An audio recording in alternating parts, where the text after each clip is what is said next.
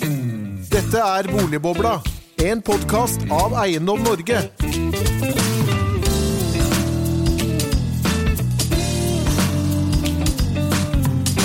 Hjertelig velkommen til en ny episode av Boligbobla, denne gang om sjøhyttemarkedet. For eh, de siste ukene og månedene så har det vært eh, store medieoppslag om at eh, aktiviteten i sjøhyttemarkedet er tatt seg kraftig opp i kjølvannet av koronautbruddet. Hvor skal sjøhyttemarkedet, spør vi, og hvordan vil fremtiden for knapphetsgode strandsonen bli når regjeringen nå vil myke opp i retningslinjene for byggene i strandsonen langs sjøen? For å ta oss gjennom dette utmerkede temaet så har vi fått noen flotte gjester. Vi har fått med oss selveste kommunalminister Nikolai Astrup. Hjertelig velkommen til deg. Takk skal du ha. Og vi har også fått med oss en tidligere venn av Boligbobla og tidligere gjest, eh, Bjørn Erik Øie i Prognosesenteret. Hjertelig velkommen til deg, direkte fra Stockholm. Takker. Og ved min side, som alltid, så sitter jo da Eiendom Norge-direktør Henning Lauritzen. Eh, velkommen til deg. Takk, takk. Du sitter også her med en eh, rykende fersk rapport fra, fra sjøhyttemarkedet. Kan du ta oss gjennom hvordan ser er det vært like hett i markedet som, eh, som det har vært stått om i avisen? Ja, det er jo vært ganske spennende periode, egentlig. Hvordan vil det gå med alle markeder under korona? Og vi vet jo at fjellhyttemarkedet det fikk jo en voldsom kraftig brems helt i starten under korona. Nå har vi helt ferske tall for sjøhyttemarkedet for, for det da det siste året. Og det vi ser, det er at eh, prisene på skøyter de har gått eh, opp 3,9% Det er omtrent på nivå med det de pleier å gjøre. Og så ser vi også at den typiske skøyten den koster nå 2,87 millioner eh, kroner. Og så er det noen ting som kanskje er eh, det som er aller mest spennende, og, og, som har litt sammenheng med det vi har sett mye om, at det er uh, veldig hett, nemlig at uh, det er solgt flere sjøhytter enn vanlig. Det siste året så er det solgt 9,5 flere sjøhytter enn eh, året før. Og så kommer det som kanskje aller mest spennende, nemlig hvordan har det gått med sjøhyttemarkedet i eh, mai og hittil i juni? Og der ser vi tall som er ganske spesielle. Det er eh, faktisk solgt 40% flere sjøhytter i mai og hittil i juni sammenlignet med i fjor. Så det er vel kanskje det vi kan se på som eh, den aller største koronaeffekten i, eh, i sjøhyttestatistikken. Så det nordmenn har gjort altså post korona, det er å kjøpe hytter? Det er ganske tydelig at uh, man, uh, man, har funnet ut at man skal bruke de pengene man har på, på sjøhytter, og det er nok ganske mange som har innsett at uh, det blir ikke noe utenlandsferie i år, og vi vet ikke helt når det kommer tilbake. Så de pengene man tidligere brukte på det, det, det er nok da en del som har funnet ut at da kjøper vi oss en hytte, rett og slett. Bjørn Erik, hvordan, hvordan vurderer du det, din, den, de tallene som her eh, kommer? Dere er også aktive analysearbeid i, i markedet. De, de, stemmer jo veldig godt overens med det vi har målt. Da. Jeg også legge til at Vi gjorde jo en sånn halvårig undersøkelse som, i februar, rett før eh, utbruddet skal vi si, slo til i Norge.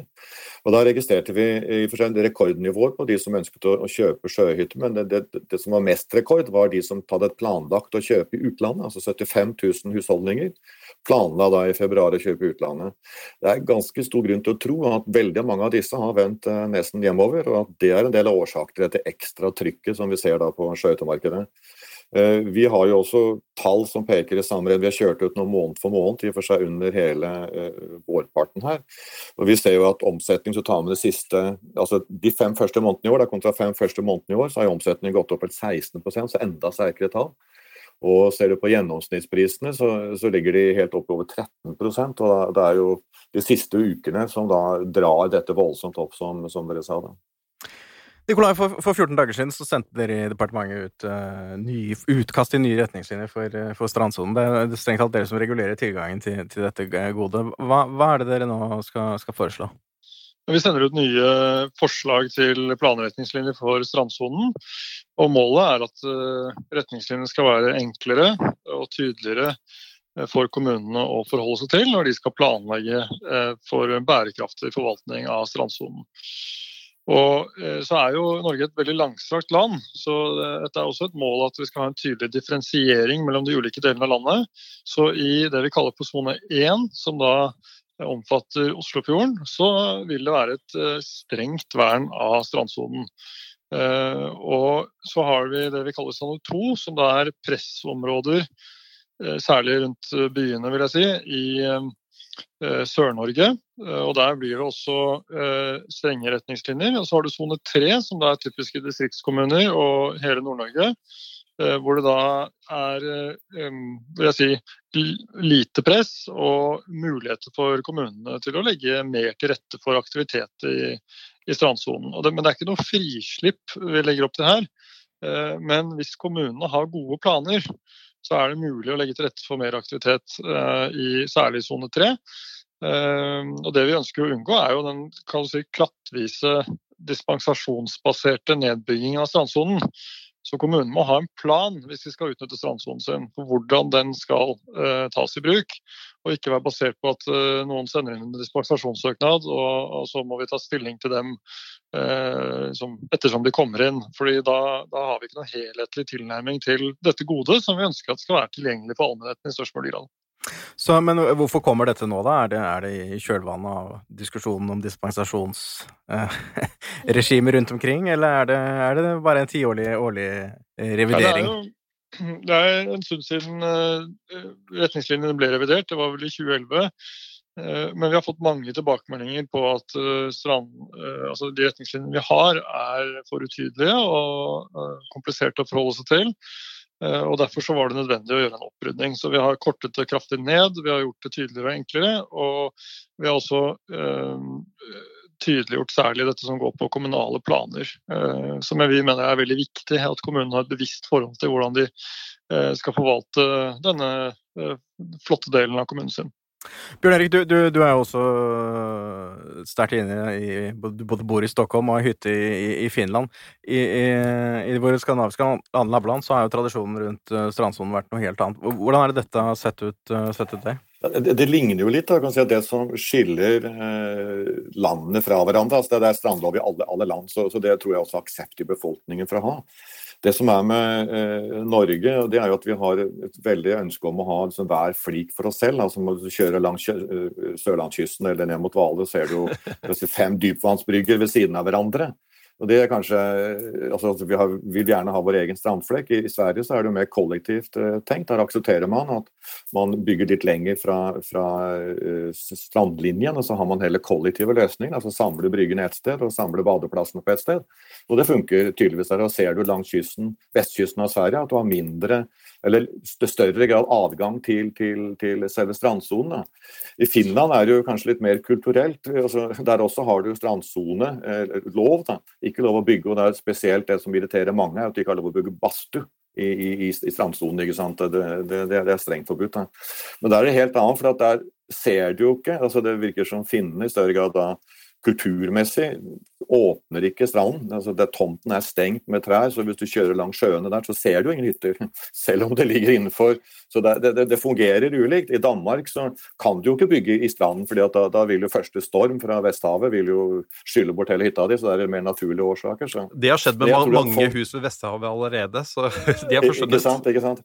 Men jeg tror i hvert fall det er veldig smart å endre, eller skal vi si gjøre det tydeligere. Jeg tror også at dette forslaget har aksept i befolkninga, vil gjerne ha det. Men så støter det litt imot denne her at vi skal ha hver vår brygge, altså hver vår liten vik, og dette skal vi ligge selv, alene. Henning, hva, hva tenker du om det, det statsråden her og Kommunaldepartementet foreslår?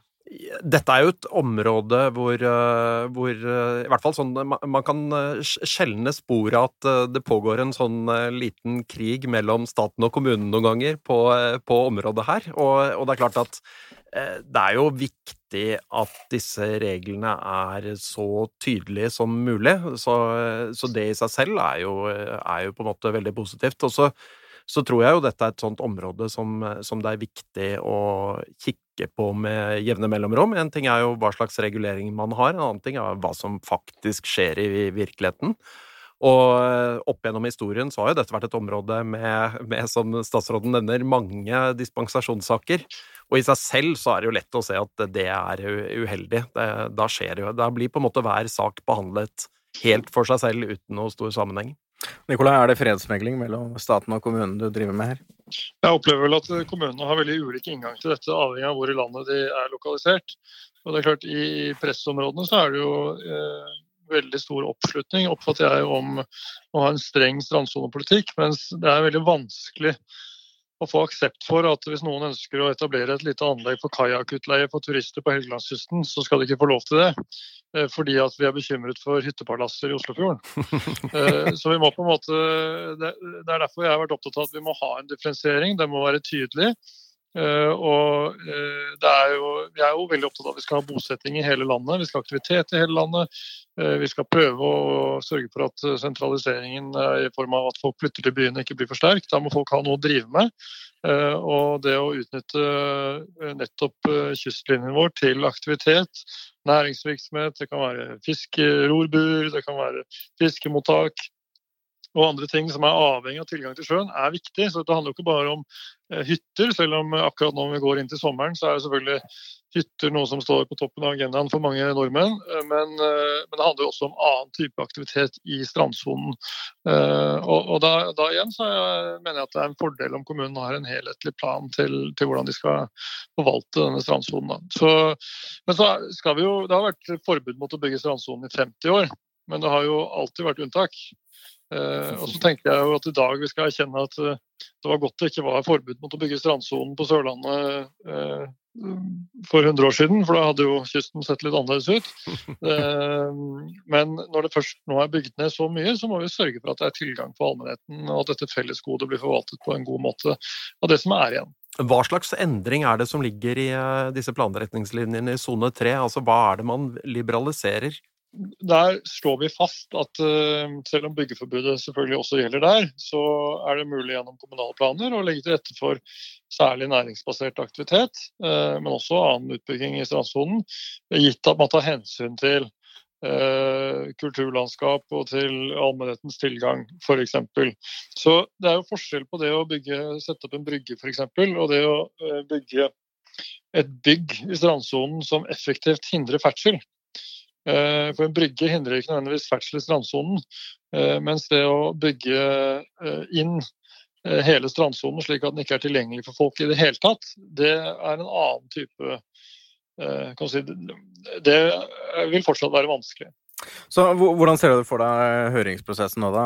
Er det positiv respons på det forslaget som nå, utkastet som er kommet? Ja, det er, det, høringen, altså Så langt så går jo dette langs kjente spor, uh, for å si det forsiktig. Uh, I den forstand at uh, naturvernorganisasjonene mener jo at vi går for langt i å myke opp. mens det helt sikkert finnes kommuner, kanskje særlig distriktskommuner, som mener at vi burde gått lenger. og da tenker jeg at Hvis vi havner der, så har vi jo funnet et godt kompromiss. Eh, fordi eh, vi er nødt til å ha en strandsonepolitikk som legger til rette for aktivitet langs kysten vår. Landet vårt består av veldig mye kyst, og det må vi ta vare på. Men vi må også klare å uh, utnytte det på en fornuftig måte til beste for, landet. Vi skal skape mer og inkludere flere i årene som kommer, og da må strandsonen være en del av også den politikken fremover. Men så kan det sikkert bli noen hytter også. Men om det avhjelper på presset i Oslofjorden på, og bidrar til Det er vel mer tvilsomt. Bjørn Erik, hva, hva, hva, ser du på det, det hva skal du si, oppmykningen som nå kommer? Jeg, jeg, jeg er jo positiv til, til strandloven. det er likevel et, si, et paradoks og noen motstridigheter her. fordi at man, man har jo strandlov av, altså av miljøhensyn og, og tilgang til, til ferdsfri ferdsel langs strandsonen. Men det er jo sånn at det er veldig mange som planlegger og kjøper, drømmer om å få et sted ved sjøen. Og det har aldri vært så mange. Og Det vi ser nå er jo at antageligvis veldig mange av de som hadde planlagt kjøpe i utlandet, som da er Spania veldig ofte, eller også i Sverige, men Spania er det viktigste landet, de kommer til å kansellere de planene med med usikkert fly og alt annet. og kommer til å vende nesa hjem. Og Da blir det enda mer krig om de tomtene og de stedene som er. Det vil jo bety at det blir et gode for de få, enda større grad. Det gjelder spesielt da Oslofjorden og, og rundt tettstedene. Så det er jo en paradoks her at veldig, mange flere kommer ikke til å få, få, ønskene sine eller drømmene sine oppfylt.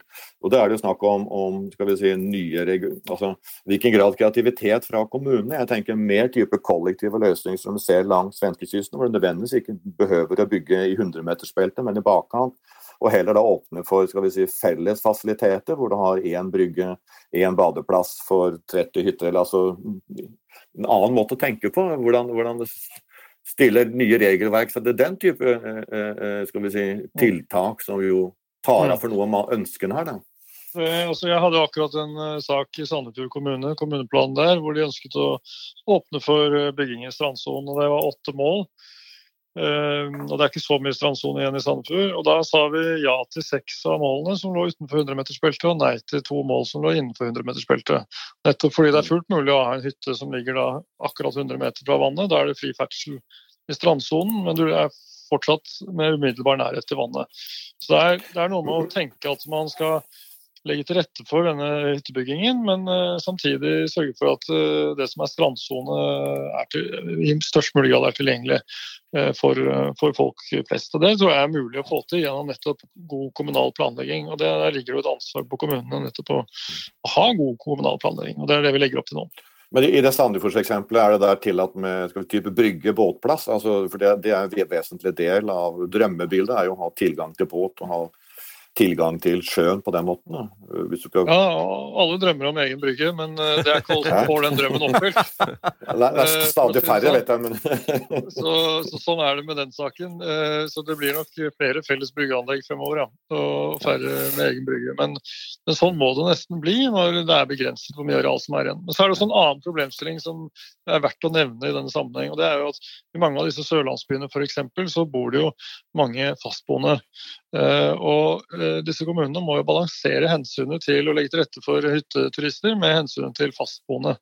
Eh, noen har løst det med, med boplikt eh, for å sørge for at de boligene som da ligger langs sjøen, som de fastboende bor i dag, ikke da omgjøres til hytter som har en langt høyere markedspris, og dermed blir utilgjengelig for, for lokalbefolkningen.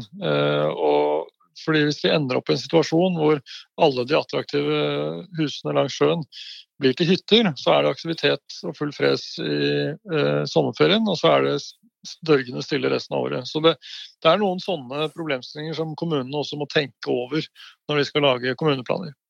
Nå forsøkte vel din regjering tidligere å fjerne boplikten, men den kom ikke gjennom eh, med det. Men uh, Vi er opptatt av bolyst, vi. Bolyst, ja. Ja, ja. ja du har vel til og med et eget direktorat som, som driver med bolyst? Ja vel. Vel, vel, vel. Altså, vel har vi mange direktorater, men ingen bolystdirektorat foreløpig. Men er det mange sa saker eh, fra kommunene som, som, utfordrer eh, planene og retningslinjene som kommer på ditt bord, da, som ønsker dispensasjon? Ja, det er det. Det er mange saker som kommer på mitt bord. Men uh, heldigvis ikke så mange som uh, Altså, det, det, går heldigvis i riktig retning. Og målet er jo at vi skal ha så tydelige regler at det ikke blir noen særlige saker på mitt bord. Eh, at dette er så enkelt å forstå for kommunene at de vet hva de har å forholde seg til og kan lage planer som, eh, som ikke strider mot de statlige retningslinjene. Det, det, er et ønske fra oss, men det opplever jeg at kommunene også er veldig opptatt av at vi skal legge til rette for. Men det blir jo veldig interessant å se hva som skjer nå mens vi, mens vi holder på med korona. Jeg mener eh, altså 40% flere solgte sjøhytter i, i mai og hittil i juni er jo på en måte Det er jo formidabelt. Eh, jeg kan jo også nevne at eh, hvis vi ser på fjellhytter, samme periode, altså mai, hittil i juni, så er det opp 78% sammenlignet med i fjor. Så, så, så, her er det jo et eller annet som, som skjer med fritidsboligmarkedet i Norge når vi, når vi, nå lever med korona. Så det kommer, kommer til da, antagelig til å dukke opp en del litt nye problemstillinger også på den regulatoriske siden fremover, hvis det presset på en måte fortsetter. Ja, På fjellet så er det jo, der er det jo bygget enormt mye de siste årene. Så det er klart det markedet kan jo lettere ta unna en økende etterspørsel uten at det nødvendigvis slår ut i veldig mye økte priser. Men dette er dere større eksperter på enn meg.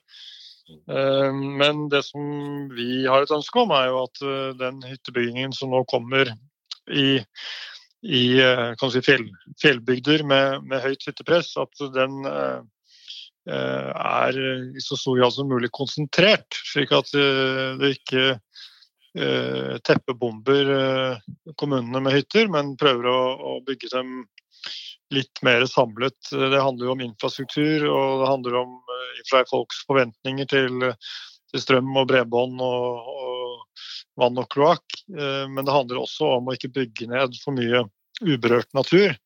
Eh, så her er det noen hensyn som skal balanseres, som jeg oppfatter at disse fjellbygdene er veldig opptatt av selv. fordi det de selger er jo nettopp uberørt natur. Det er produktet de tilbyr. Og da kan de jo ikke skyte seg selv i foten ved å bygge ned, alt. Ja, Det er den type løsninger som jo kystkommunene også tenker seg, altså en sentralisering. For du sier at 78% vekst i fjellkommuner. Ja, men det bare noen få kommuner, det er, ikke mange. Så det, det, det tetter seg veld, veldig tett uh, i hop på større utbygginger, som da benytter seg av felles infrastruktur på, på mange måter. Jeg eh, bare lyst til å ta De siste tallene som, med denne voldsomme veksten, som er veldig interessant der, er at det er et ekstremt tydelig skifte i, i yngre kjøpere. altså Gjennomsnittsalder på sjøhytter har sunket fra nesten 54 år til nesten 47, og det er på ett år. altså voldsomt. Da. Og Den aldersgruppen som øker voldsomt mest, og det er 30 til 39 år, Eh, altså en yngre gruppe enn det som vanligvis er, så synker det kraftig for eldreårskullene. I tillegg så ser vi også at eh, kvinner har en voldsom vekst i andel. så Satt på sin spiss så er det flere yngre yngre kvinner. Det, det her sier noe om hvilke underliggende tendenser som vi ser som kommer til å være framover. Så denne etterspørselen kommer ikke til å ta slutt. Så, og ønskene og drømmene ligger i forhold til sjøen, og det har vi jo sett de siste eh, fire årene at det har vært en veldig eh, altså forskjell da, på det er veldig mange som ikke får drømmen sin oppfylt, og de har reist til Sverige, svenskekysten, eller så har de reist til Spania isteden. Disse ønsker nå å kjøpe hjemme. Og hvis da situasjonen er at presset blir så stort at prisene går i taket, ja vel, så vil de jo tvinges ut igjen. Skal Hvis flyreisene kommer opp igjen da, til, til Solkysten, så vil det øke antallet reiser der isteden. Så det er jo liksom et, en balanse her som, som er vanskelig å ivareta. Altså, mange, mange flere vil ha sjøhytter på en eller annen måte. Hvis ikke så havner de i Spania. Det kan vel kanskje ikke statsråden uh, levere, da, men eh. Men, men jeg, kan stille et spørsmål til deg. Fordi, uh, Tror du det at mange flere ønsker seg fritidsbolig, også har noe med å gjøre hvordan boligmønstrene i byene er blitt? Altså flere bor ja, ja. i leilighet i byen, og da ønsker de seg fritidsbolig det, det, henger veld, veldig i hop, og du bor tettere, altså unge spesielt, bor tettere og trangere i byer. og Det er en tendens som har vist seg å være veldig vanskelig å snu. Og da har jo, skal vi si, eh, Luften man har, det er jo å komme seg ut i naturen, eventuelt kjøpe fjellhytter, som har vært dyrt nok, men det er veldig stor verdt å reise. Altså Unge i dag, altså passert 30 år, har jo reist uh, halve verden rundt, veldig mange. Og, og Reiselysten kanskje da debber litt av i denne fasen, og da er det hytte, altså noe utenfor sentrumssone, da man vil ha. Og Det er derfor uh, fjellhytter har gått, og også hytter generelt, og sjøhytter. Det spesielle er jo at det finnes jo veldig mange rimelighytter i Norge. Eh, og drømmen til Kari og Ola er jo liksom en hytte i Storglennene eller ved sjøkantene hvor du har fritt utsyn og ingen innsyn. Og Den type tomter finnes det veldig mange av. Den type hytter ekstremt mange av, men det folk kjøper jo ikke folk. Så det er jo alle den lange kysten vår kryr det av hytter som er veldig billige og veldig hyggelige, men som sagt, det, det ligger jo ikke der da den nye generasjonen vil ha det. da. Nei, Henning, er det, det er nok av utbud her, eller hvordan, hvordan, ser markedet ut når vi nå går inn mot uh, sommeren? Ja, det, det, blir jo et, uh, et, litt spennende spørsmål fremover. Det, det legges ut godt med, med, hytter i øyeblikket, men det er ikke sikkert at den tendensen kommer til å, til å vedvare. Og jeg, jeg, tror vi trenger Altså, er det, er det noen som har en hytte de ikke bruker? Så er det jo definitivt tiden å, eh, å, komme med den og legge den ut på markedet. Og det gjelder jo egentlig alle typer hytter. Det står jo mange hytter som ikke brukes eller brukes i liten grad. Så kom med dem, vil jo jeg egentlig si, for det, nå kan det være det finnes noen som kjøper dem. Og, og vi ser jo på tallene våre at uh, omsetningstiden har gått opp på sjøhyttene. Uh, og det kan være et tegn på at det er en del sjøhytter som har ligget veldig lenge på markedet, som går nå. Eh, for nå eh, selges det mer, og nå går det mer. Litt forbrukertips der på, på, slutten. Vi må gå inn for landing. Det jo, går jo fort her i podkaststudio som vanlig. Vi har jo alltid en fast spalte på, på slutten uh, til Nikolai og Bjørn Erik gjestene våre. Og det er jo min første bolig. Hva, hva, hva, kjøpte du, hva kjente du, og hva følte du? Jeg kan kanskje begynne med deg, Nikolai? Jeg kjøpte en toroms leilighet med solid plass. Og jeg følte at det var altfor dyrt, og det hadde jeg rett i. Fordi markedet Jeg traff toppen i år 2000, og, og da krasjet jo dotcom. Men det tok seg opp igjen. Det tok seg opp det, igjen. ble, det ble en hyggelig forretning likevel. Ja, det er godt å høre det. Du, Bjørn Erik? Ja, jeg skal nesten ikke si hvor flaks eller hvor Det er ikke, ikke tenkbar timing. Det er vel livet som har ledet meg til disse tingene. Men jeg kjøpte den første et ettroms leilighet på Hovin i Oslo til 25 000, og deretter har det bare gått oppover. Altså, jeg har vært med på alle D-regler, og hver eneste gang så har det timet inn riktig. Og det er ikke fordi jeg jobber med boligmarkedet, det har vært fordi at jeg har giftet meg, si, skilt meg, fått barn, barnebarn på riktig tidspunkt. Så livssyklene dine følger dereguleringene? Ja.